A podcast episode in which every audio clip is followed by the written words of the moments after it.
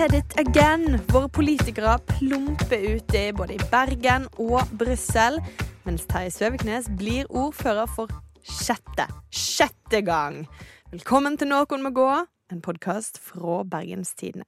Jeg heter Gerd Kjellflot. Her i studio sitter også Marie Misen Bringsli. Hallais igjen. Og Morten Myksvold. Hei. Helt vanlig liten hei der. Ja. Vi har jo altså en episode der vi skal eh, virkelig snakke om politikere som sikkert skulle ønske at de ikke hadde sagt akkurat, brukt akkurat de ordene. Eh, og bare for å ha sagt det, da, dette er en av våre åpne episoder, folkens. Hver fjerde uke så har vi jo da en eh, episode som eh, for eh, leve også utenfor vårt Noen må gå-univers. Det er derfor vi starter med en sånn veldig moderne popkulturell referanse som eh, Britney Spears. Den er faktisk veldig aktuell denne uken, Morten. er veldig Og aktuelt. har skrevet bok. Ja. Faktisk verdens mestselgende memoar av en kjendis, eller et eller annet Har hun slått prins Harry? Ja, hun har slått uh, For første dagen slo hun han. Ja, første dagen. Ikke sånn gjennom tidene, for memoarene av Jesus er liksom Nei, av en kjendis! Av en kjendis! Av en kjendis. Jesus Ja. også en Jeg tror det er en egen kategori. Han var influenser. Ok, Tilbake til det. da Vi håper jo at eh, dere lyttere som eh, også hører på oss eh, nå, for disse åpne episodene, eh, liker det. Og så minner vi jo bare om at det er mulig å, å bli med inn i Noen må gå-universet med eh, enten å ha et beta-abonnement eller abonnement på Podme. Vi har veldig mange spesialer for tida, så det er jo ganske god eh, valuta for pengene. Det skjer mye greier. Ja, Da kan en i hvert fall altså høre på oss hver uke. Men velkommen uansett til eh, nå, og vi skal selvsagt Dere hadde blitt skuffa hvis ikke. Snakke litt om Bergen først. skal vi ikke det? Jo, for det, det er jo ikke, og det er jo ikke bare i Bergen vi snakker om Bergen, fordi VG har vært på besøk i Bergen. Og det er alltid litt sånn gøy å lese eh, Se Bergen utenfra, på en måte. Det er gøy og pinlig. Eh, ja, mest gøy, vil jeg si. For det, det VG har gjort, de har dratt til Bergen, eh, og de har snakket med Kristine Meyer, og det er påtroppende byrådsleder sant, fra Høyre. Det er jo, hva skal jeg si, interessant lesing. Altså, jeg har bare egentlig lyst til å lese litt opp fra artikkelen. Dette er fra helt i starten av artikkelen. Så spør eh, journalisten, spør Kristine Meyer, finnes det noen prinsipper du ikke er villig til å bryte for å få makt? Hun svarer, det gjør det helt sikkert, men hva de prinsippene er, prikk, prikk, prikk, det er vanskelig å si hva det skulle vært. VG møter Kristine Meyer i innspurten av forhandlingene om byrådsplattform. Mens normale, velfungerende kommuner bytter øverste politiske leder hvert fjerde år, har Bergen byttet byrådsleder årlig de siste tre årene. Tror du byrådet sitter helt til påske? Ja, det tror jeg. Hvis ikke blir jeg skuffet. Ja. Ouch. Ja, det, jo, det, det har jo blitt en slags paradegrein dette her for Martin Legland i VG å komme til Bergen og intervjue byrådsledere, eller nå da en byrådslederkandidat, eller byrådsleder innspe in spe. Påtroppende. Ja, eh, og tidligere så har, det jo, har vi jo lest om hvordan Roger Valhammer eh, spiser veldig masse is. En hel boks hver kveld. Ja, eh, ikke gjennom et helt år, tror jeg, men det var, det var vel en liten periode. Men, og, og, og med bilde av han der han står helt alene på Festplassen i Bergen og mauler en boks Caramel Sutra fra Ben Jerry's alene. Og snakk om å maule Rune Bakavik, eh, der det var snakk om å maule fiskekake på åpen gate og jekka ned bjørnunger på, på Viken. Dunka- ned bjørnunger på Viken. Veldig masse sånn staffasje rundt, for de Men- sa ikke nødvendigvis så veldig masse Kristine Meyer trengte ikke spise en skillingsbolle engang, for Nei. det var nok å bare sitere henne. Ja, for hun sier så masse spesielt. Dette intervjuet her er jo oppskrifter på hvordan jeg ville parodiert Kristine Meyer. Det hun sier, er parodien på seg sjøl. Fordi hun sier Ja, for samtidig, Det er ikke så mye nytt her. Vi, vi har på en måte hørt det før. Så ja. hva gikk galt i innspurten? For Høyre eh, dalte jo litt i innspurten, sant? Hva gikk galt, spør Legeland. Min analyse er at det gikk bra fram til vi ble tvunget til å ta standpunkt i saker. Da mistet vi velgere. Det er jo det folk sa kom til å skje med Høyre. Litt som en vits. Ja. Litt som måtte, på ekte. Det ble sagt i denne podden her i løpet av valgkampen at med en gang Høyre må begynne å snakke om politikk, så nytter det ikke å si 'hei, vi er Erna Solbergs parti'. Eh, og nå sier hun det òg, sant? Og det, det er så bra da hun sier Da vi ble tvunget til å ta standpunkt i saker. Ja, for det, det var ikke noe de gjorde med vilje. Ja, hvis de hadde fått uh, lov til å bestemme, så hadde jo ikke de tatt standpunkt i noen saker. De stilte jo bare til valg i Norges nest største by. Herregud. Og så er det jo noe med hele situasjonen og sier at hun trenger faktisk ikke si noe for å bli burna heller. Altså, Meyer skulle egentlig ikke bli byrådslederkandidat. Dette er bare Legland som skriver beskrivende. Hun var nemlig med i nominasjonskomiteen og skulle lete etter partiets neste byrådslederkandidat. Hun fant seg selv. Det er så uh, vakkert uh, skrevet. Vakkert! Sånn er det når vi blir sett uten Sånn, sånn blir vi sett på utenfra. Ja.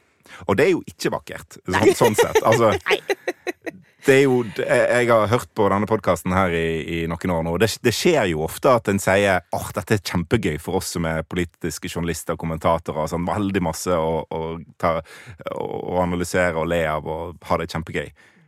Men vi bor jo i den byen òg. Det er jo litt det er jo litt flaut. Og så er det jo litt frustrerende at liksom det. Dette er nivået. Ikke tenk på det, du. Men en som ble litt ignorert, det var faktisk bilde av henne i artikkelen, men hun blir jo ignorert, for hun får ikke si et eneste ord. Det er jo faktisk byens nye ordfører, Marit Wanke. For vi har faktisk Det er én som har gått på jobb, I Bergen Høyre. Ja. og det er Marit Wanke. Mm.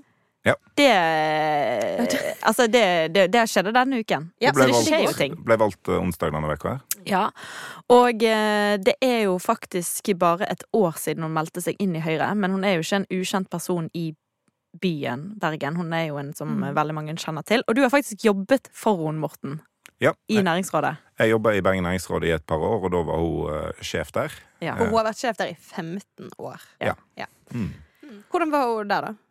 Nei, altså Stort sett god, god sjef. Eh, Jeg vet ikke om vi skal komme med liksom, hele medarbeidersamtalen her. Eh, Men nei, eh, altså veldig sånn involvert, energisk og litt impulsiv. Ja, det kan Og- bli spennende. det, flere av de tingene tror jeg kan være veldig bra når hun skal representere utad. Også min erfaring fra å jobbe på rådhuset. Byrådsledere er ikke alltid så glad i ordførere som tar initiativ. Og som har lyst til å involvere seg og sånt. Fordi ordføreren er jo egentlig på en måte gallionsfiguren til eh, Bergen, og så er det byrådslederen og byrådet som skal på en måte styre byen og gjøre den jobben. Så der kan jeg jo se for meg at det blir en liten klinsj, da. Og spesielt når vi har det VG-intervjuet og i, i, i, bakhovet at Kristine Meyer kan jo av og til eh, si det hun mener, eh, veldig tydelig. Eh, og det, det kan, jo, kan jo bli eh, interessant. Og da. ikke minst, så, det nevnes jo òg i det VG-intervjuet, så er det et legendarisk BT-intervju eh, som ble gjort med både Kristine Meyer og Marit Wanke, der de var De krangla foran foran journalisten.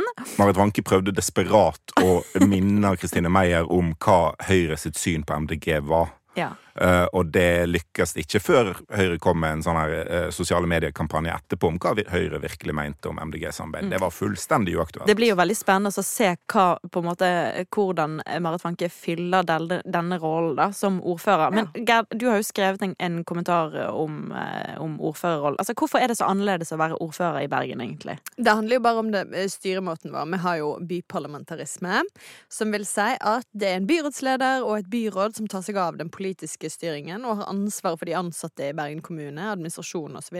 Ordføreren, helt på sida. Eh, og jeg skal heller ikke på en måte Jeg er ikke en politisk representant eller for ett parti. Det er en representant for hele bystyret og representerer hele Bergen. Hun er vår fremste offisielle representant, heter det. Ja. Hun er gallionsfiguren vår, hun er ambassadøren for Bergen. Jeg vet ikke hva jeg skal kalle det.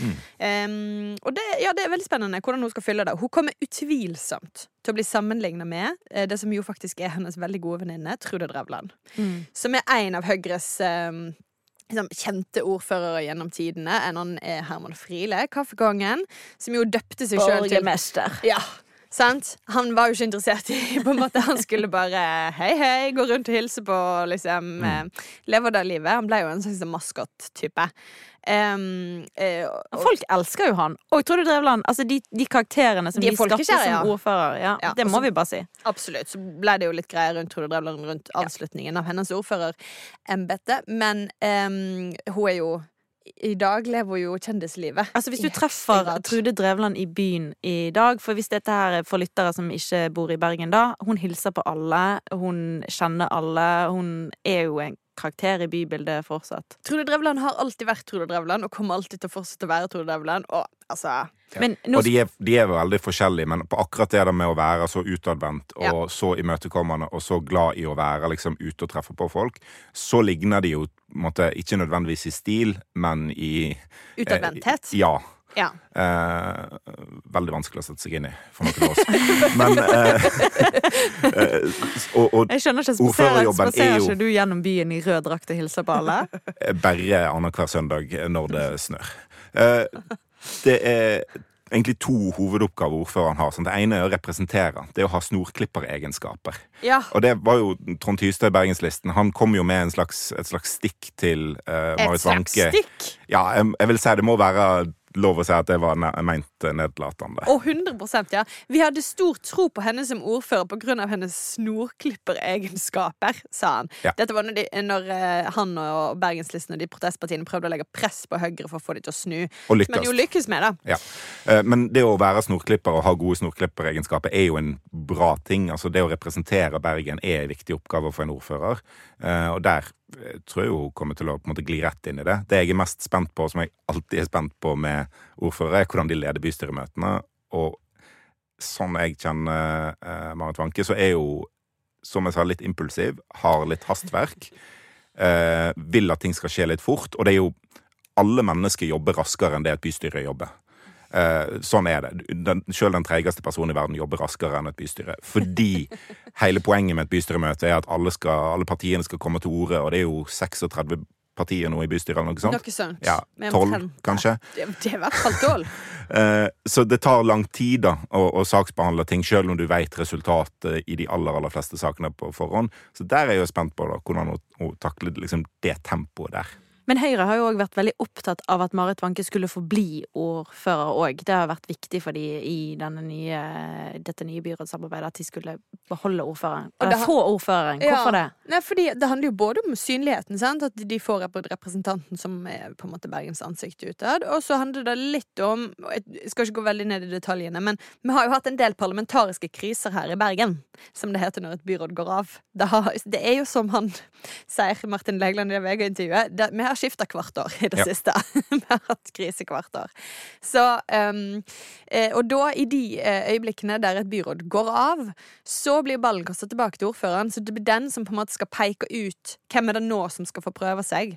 Og der har det jo vært noen situasjoner gjennom de siste årene som, som gjør at Høyre føler på at det er viktig å ha den utpekerposisjonen hos seg. Så det er jo også en lite snev av et lite sånn en sikkerhetsventil. Ja, det er litt noe sånn makt der, ja. helgardering, på en måte. I 2021 så, så gikk eh, Roger Valhammer av eh, som byrådsleder. eh, og Rune Bakervik satt egentlig på kontrollen på hvem som skulle gå på igjen. Sant? Og det, det, det var De var viktig for Arbeiderpartiet da. Ja. Ja. Nei, så eh, jeg tror at eh, det har vært veldig viktig for dem. Og så blir det spennende å se hvordan eh, Marit Wanke kommer til å fungere her. Om hun, er vår, eh, altså, hun er ikke vår neste Trude Drevland, det tror jeg ikke. Men hun kan jo bli folkekjær. Det blir, eh, det blir spennende. Det tror jeg absolutt.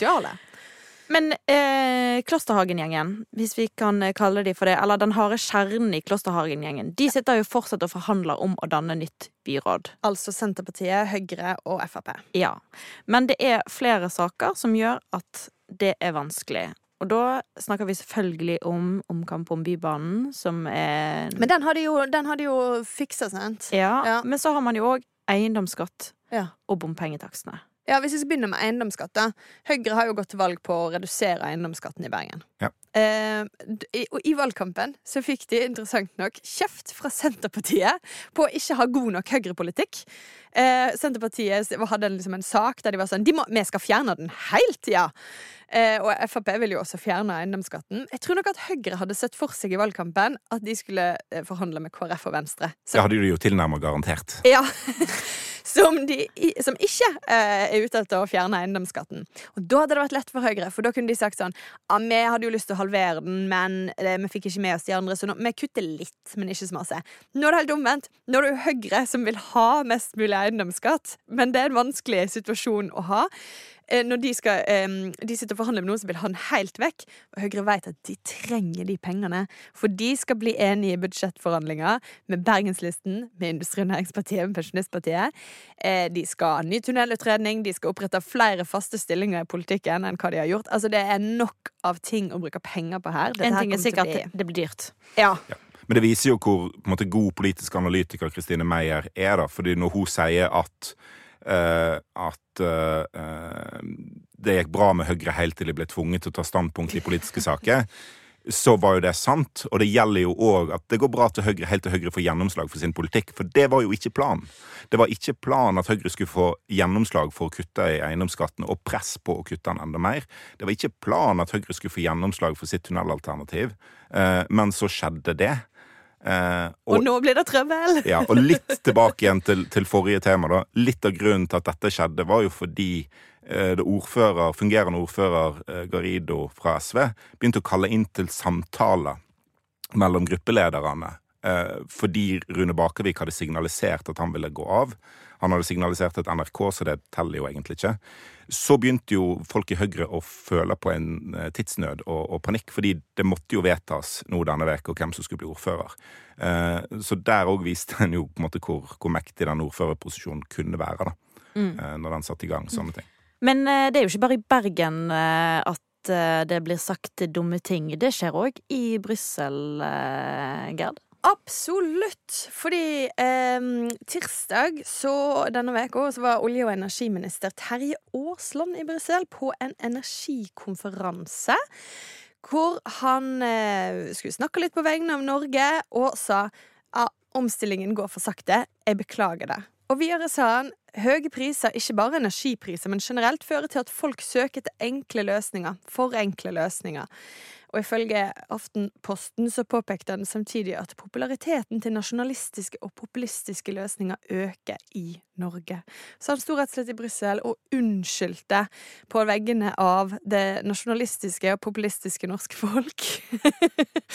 som ikke vil være med på omstillingen som skal redde oss fra klimakrisen. Og um, dette skrev Aftenposten akkurat sånn i tide til um, Stortingets spørretime neste morgen, der Terje Aasland også møtte, som han da kunne bli konfrontert med sine uttalelser i utlandet. Eh, og det vakte jo noen reaksjoner, kan du si. Sofie Marhaug fra Rødt for eksempel, eh, sa at hun opplevde at Terje Aasland hadde dratt til Brussel for å baksnakke norske velgere. Høyres Nikolai Astrup var egentlig enig med oljeministeren eh, i, i dag, men eh, sa og påpekte at regjeringen, som jo inkluderer Senterpartiet, kanskje har litt av skylda sjøl, da. Um, ja. Dette er litt gøy! Hva tenkte dere? Jeg syns det er litt gøy. Jeg leste saken i Aftenposten eh, når han kom, og så la jeg eh, veldig godt merke til at europakorrespondenten til Aftenposten, Rakel Haugen Strang, hun skrev Beklagelsen kom tilsynelatende spontant. Den står ikke i manuskriptet som ble publisert på regjeringens side. Så jeg lurer på om han rett og slett bare følte litt på stemningen her og gikk av med. Altså, det var en spontan beklagelse, da. Det er jeg litt sånn nysgjerrig på. Hva skjedde der, Men egentlig? kanskje han kjente på skammen? Ja, kanskje noen rådgivere som sto der og reiv seg i håret. Men av og til finner du ut at du har lyst til å si det som er sant. Noen sant? ganger har du lyst til å si ja. Kristine Meyer i Bergen, for eksempel. Du har lyst til å bare si vi begynte å snakke om egen politikk, og da gikk det til helvete. Eh, av og til har du bare lyst til å si det som er sant. Og det, det sa jo Terje Aasland òg. Det norske folk liker ikke kompliserte løsninger der vi sier at vi må ha nok kraft for å bruke strømmen. De har lyst på enkle løsninger. De har lyst på makspris på strøm. Han har jo litt rett Det i det han sier. Ja, men det han glemte å si, da, det var jo at det er jo hans egen regjering som eh, må ta en del av ansvaret for at omstillingen òg går veldig seint. Veldig mye av ansvaret. Ja. Eh, så han er jo en del av problemet her. Det, det glemte han å si. Så hvis, hvis folk har eh, et syn på energipolitikk som er for populistisk og enkelt, så har de stemt inn den regjeringen som han er olje- og energiminister for. Og det største klimatiltaket regjeringen har kommet med til nå, er at de fra nyttår av eller noe sånt skal endre eh, Olje- og energidepartementet til Energidepartementet. Eh, samtidig så de unntar oljeindustrien fra eh, klimaavgifter. De gjør det billigere å eie fossilbil. Det skal ikke være noe problem å spise rødt kjøtt i dette landet.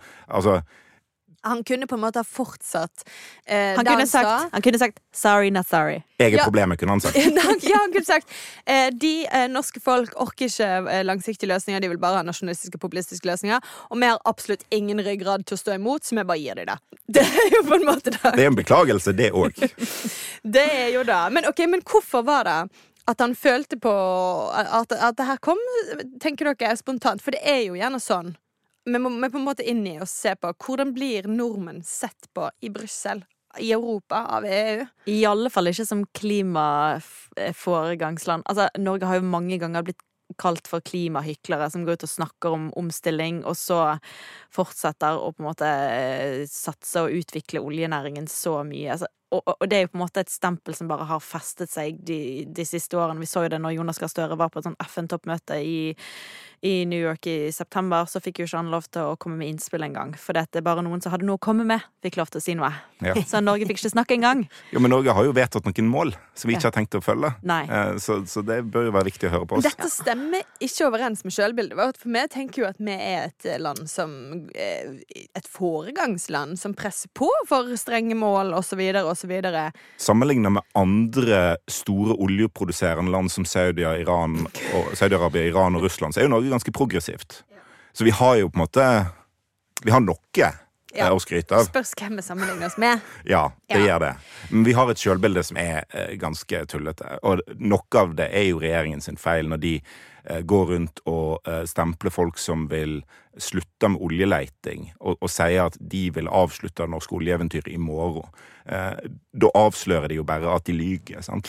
Eh, for det er ikke sant. Det, det er bare tull. Og så har jo EU blitt en enorm altså, driver for eh, omstilling. Altså, de, de, de har en helt vanvittig ambisiøs plan for å kutte klimautslipp, og det er jo òg den største driveren for å kutte klimautslipp i Norge gjennom EØS-avtalen. Mm. Men der eh, kan jo man si at, eh, at eh, Norge er veldig god til å sette bremsene på. For det vi utsetter jo alle klimatiltak som kommer fra EU òg, så lenge vi, altså, langt vi klarer. Vi prøver liksom å sinke så mye som vi kan. Og noen ganger er det gode grunner til det, fordi det ikke passer norsk næringsliv, for eksempel. Men det blir nok lagt merke til hvor på en måte treige vi er med å liksom med å ta inn den politikken som utformes. Da. Det er liksom ikke noe sånn driv fra Norge. Og så er det en litt sånn todelt rolle, fordi at Norge har fått en sånn ekstremt viktig eh, rolle i eh, å forsyne energi til Europa sin, på grunn av krigen i Ukraina. Både når det gjelder norsk gass, og, men òg norsk strøm. Um, så de vil jo på en måte ha et godt forhold til Norge òg. Europa er jo òg interessert i at Norge skal være Europas grønne batteri. Det kunne vi jo vært hvis vi kunne bygd ut masse vindkraft i Norge, for eksempel. Det går jo ikke, for det er jo folk kjempemotstandere av. Så det er liksom veldig komplekst. Fordi det Aasland sa, er jo til dels riktig. Det er jo rett, folk vil ikke ha vindkraft. Det er, sånn er det bare. Det vil ikke ha kraft, vil ha strøm. enorm. Ja. Jo, men, men, men på en måte så forstår du han litt når han ser de tingene. Ja, altså Noe av det han eksemplifiserer, er jo på en måte makspris på strøm, som bare vil være en kortsiktig eh, løsning for, for lommebøkene våre, men som vil mest sannsynlig gjøre kraftmarkedet enda dårligere og, og vanskeligere. Eh, og så må det jo være frustrerende for eh, mange at, at, eh, at en har så liksom nasjonale briller på. Da, at det er liksom bare vår kraft som skal gjelde, vi skal ikke hjelpe Europa. Sånn.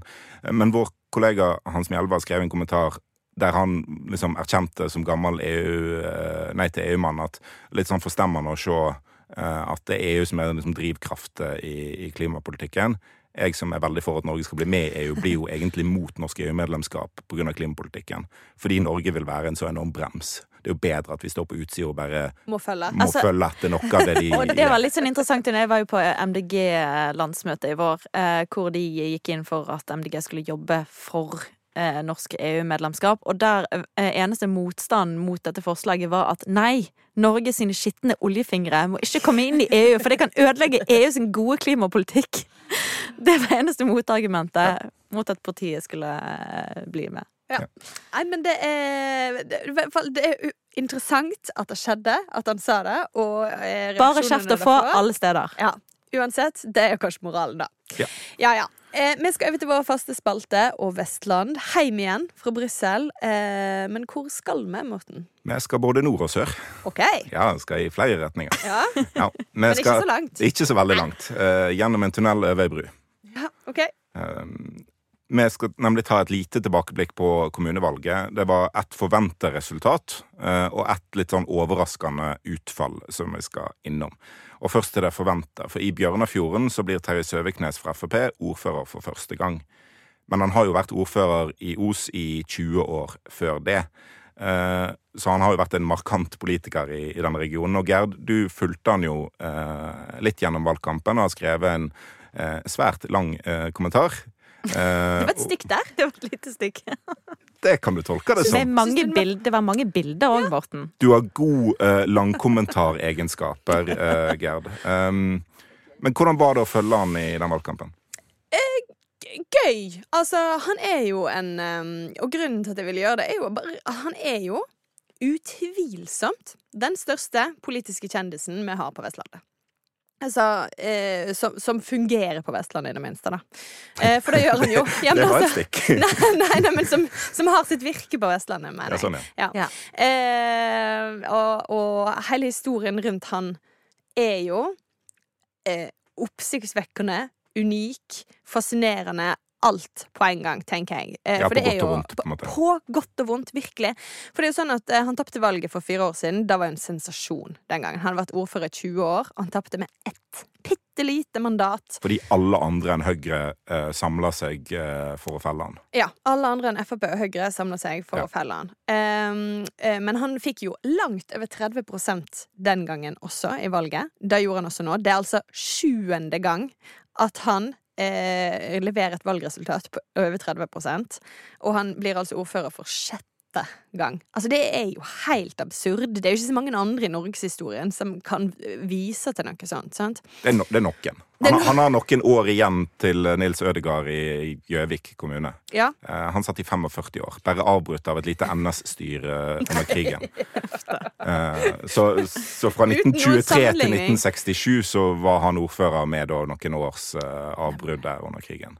Så han, han har 25 år igjen. Ok, men, ja, men hvis vi ja, Ok, han er jo noen og 50 nå. Eh, Dette skal holde litt hardt.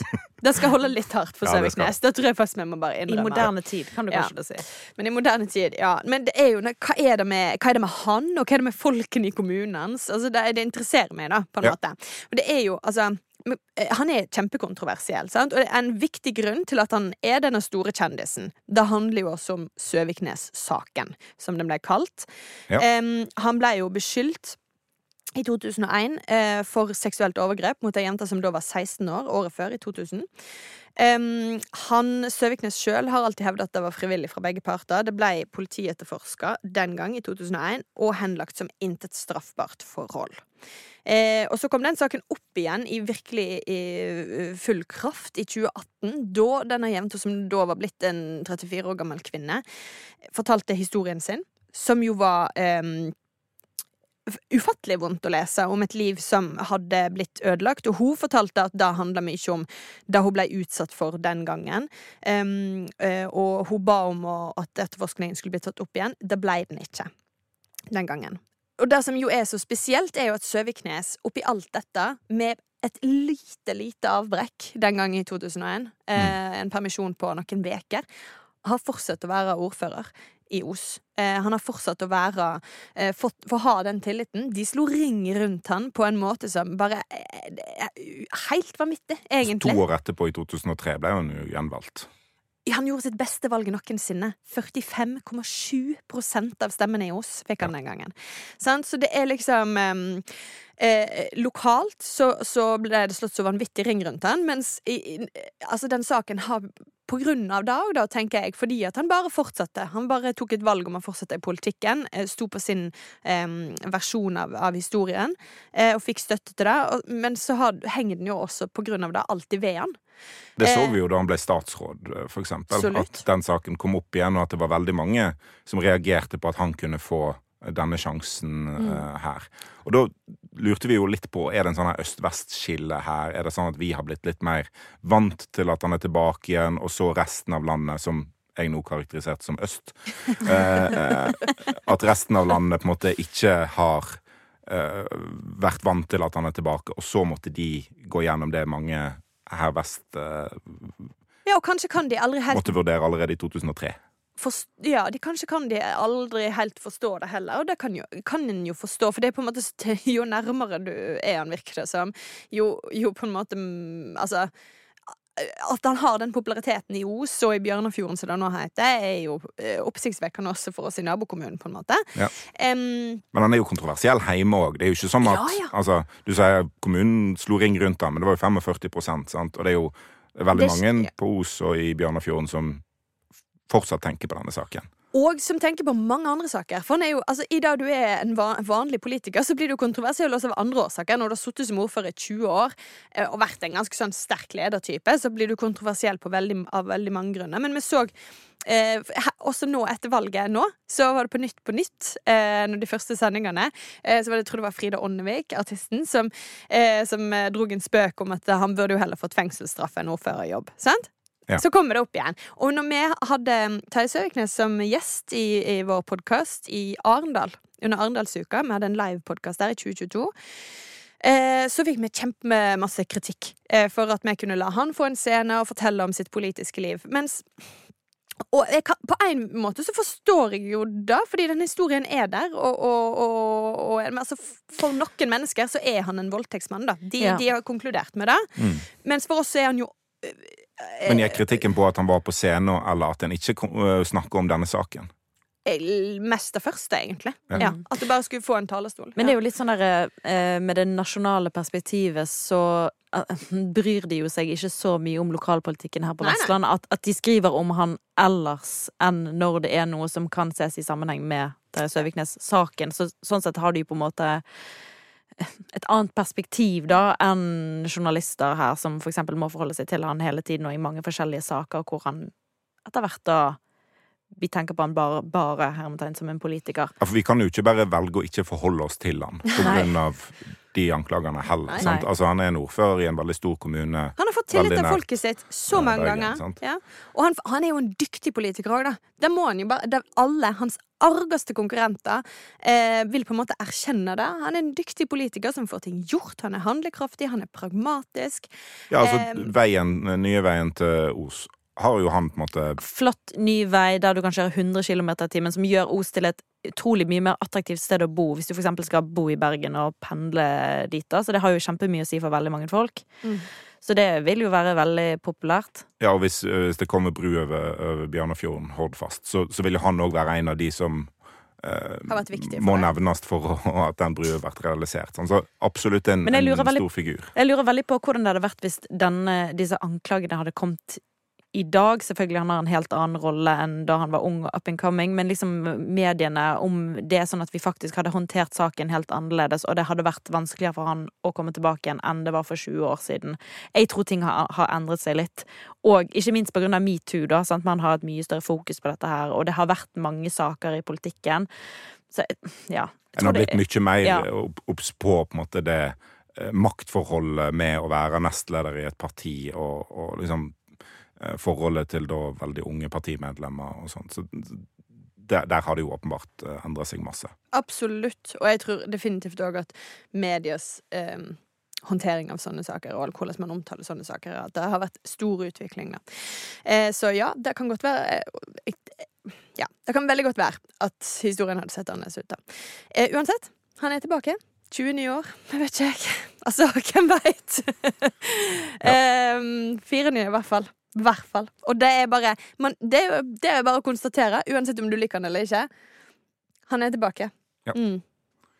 Men eh, i, så var det denne andre kommunen, da, eh, som jeg skulle snakke om, rundt eh, Bergen. Ja. Der på en måte ingenting ble helt sånn som en trodde, kanskje. Og nå er vi veldig her, folkens. Lyttere.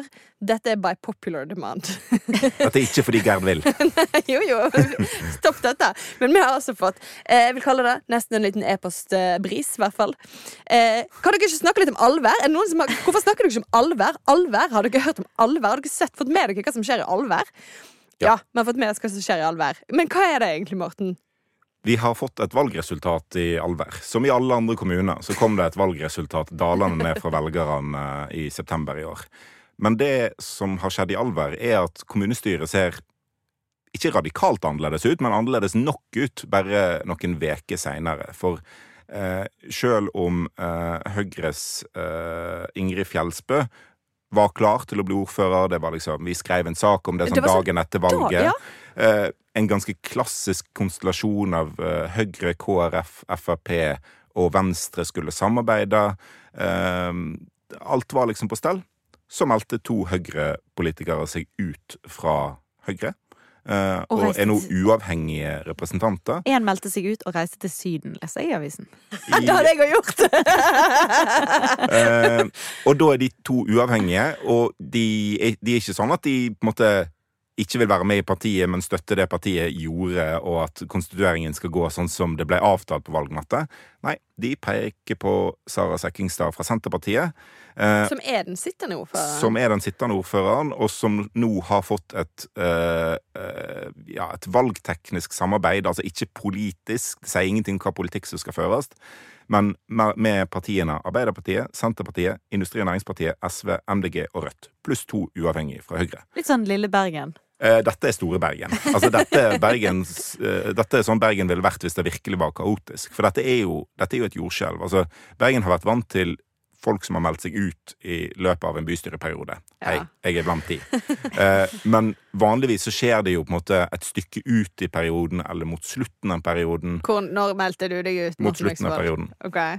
Ja, det var i siste halvår. Eh, og fordi du enten har Altså, av mange ulike årsaker så skjer det sjelden fem uker etter valget. Eh, sant? Og det er jo det som er provoserende for veldig mange ute i Alver nå, er det daler ned et valgresultat for velgerne. Det gjelder ikke lenger. Hvor er folkestyret henne? Men vet vi hvorfor de har meldt seg ut? Eh, Den ene sier at eh, følte en var med på et B-lag. Den andre sier at, uh, at uh, Så dette er for å på en måte uh, senke A-laget, da? Eh, Kanskje. Ja. At det var noe gale med partikulturen. Det kunne en jo sagt ifra om i valgkampen. Vi har jo eksempel fra Bergen der, da, der Martin Smith-Sivertsen fra Høyre advarte folk mot å stemme på hans eget parti. Eh, Det kunne en jo gjort i, i Alver Høyre. Den andre var uenig i resultatet av forhandlingene. At Høyre da skulle samarbeide med de veldig overraskende samarbeidspartiene Frp, KrF og Venstre. Eh, Så En har ikke helt kommet til bunn i liksom, nødvendigvis akkurat hvorfor, men det har eh, fått stor, eh, store ting å si. Og da er det greit å ha med seg hva som skjedde i forrige periode. Fordi dette er to personer som melder seg ut, og snur da opp ned på et helt kommunestyre. Men i forrige periode meldte hele partigruppa seg ut. Og det var ikke sånn at det var liksom to personer fra Senterpartiet som fant ut, og, og de var veldig små. Det var det største partiet. Folkeaksjonen Nei til mer bompenger fikk 22,1% i Alver kommune sist. Det var det beste valgresultatet de eh, hadde fått i hele Norge. Varte i et år. Så meldte hele partigruppa seg ut pga. konflikt med partiet sentralt. Og de danna eh, Folkestyret Alver. Og grunnen, nei, Folkepartiet Alver. Grunnen til at jeg må sjekke notatene mine, er at Morten Klemetsen, eh, frontfiguren for FNB Folkestyret Alver, har òg vært vel medlem i Frp, stilte valg for Folkeviljen i Mæland før sammenslåingen.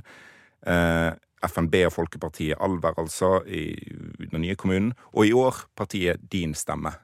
Eh, så ja, der Søviknes uh, He gets around, holdt jeg på å si. Uh, der, der Søviknes sitter lenge på, på samme plass, så er Morten Klemetsen uh, vel på sitt femte parti, som jeg har eh, talt. Og så kan det hende at jeg har glemt noe. Og bare for, engasjert fyr, da. ja, bare for å Ja. legge til dette, Alver er jo en svær kommune. Altså jeg sjekket, Det er 29 000 innbyggere. Så det er jo liksom ikke et lite nei. Altså Det er ganske stor kommune utenfor Bergen. Bergen.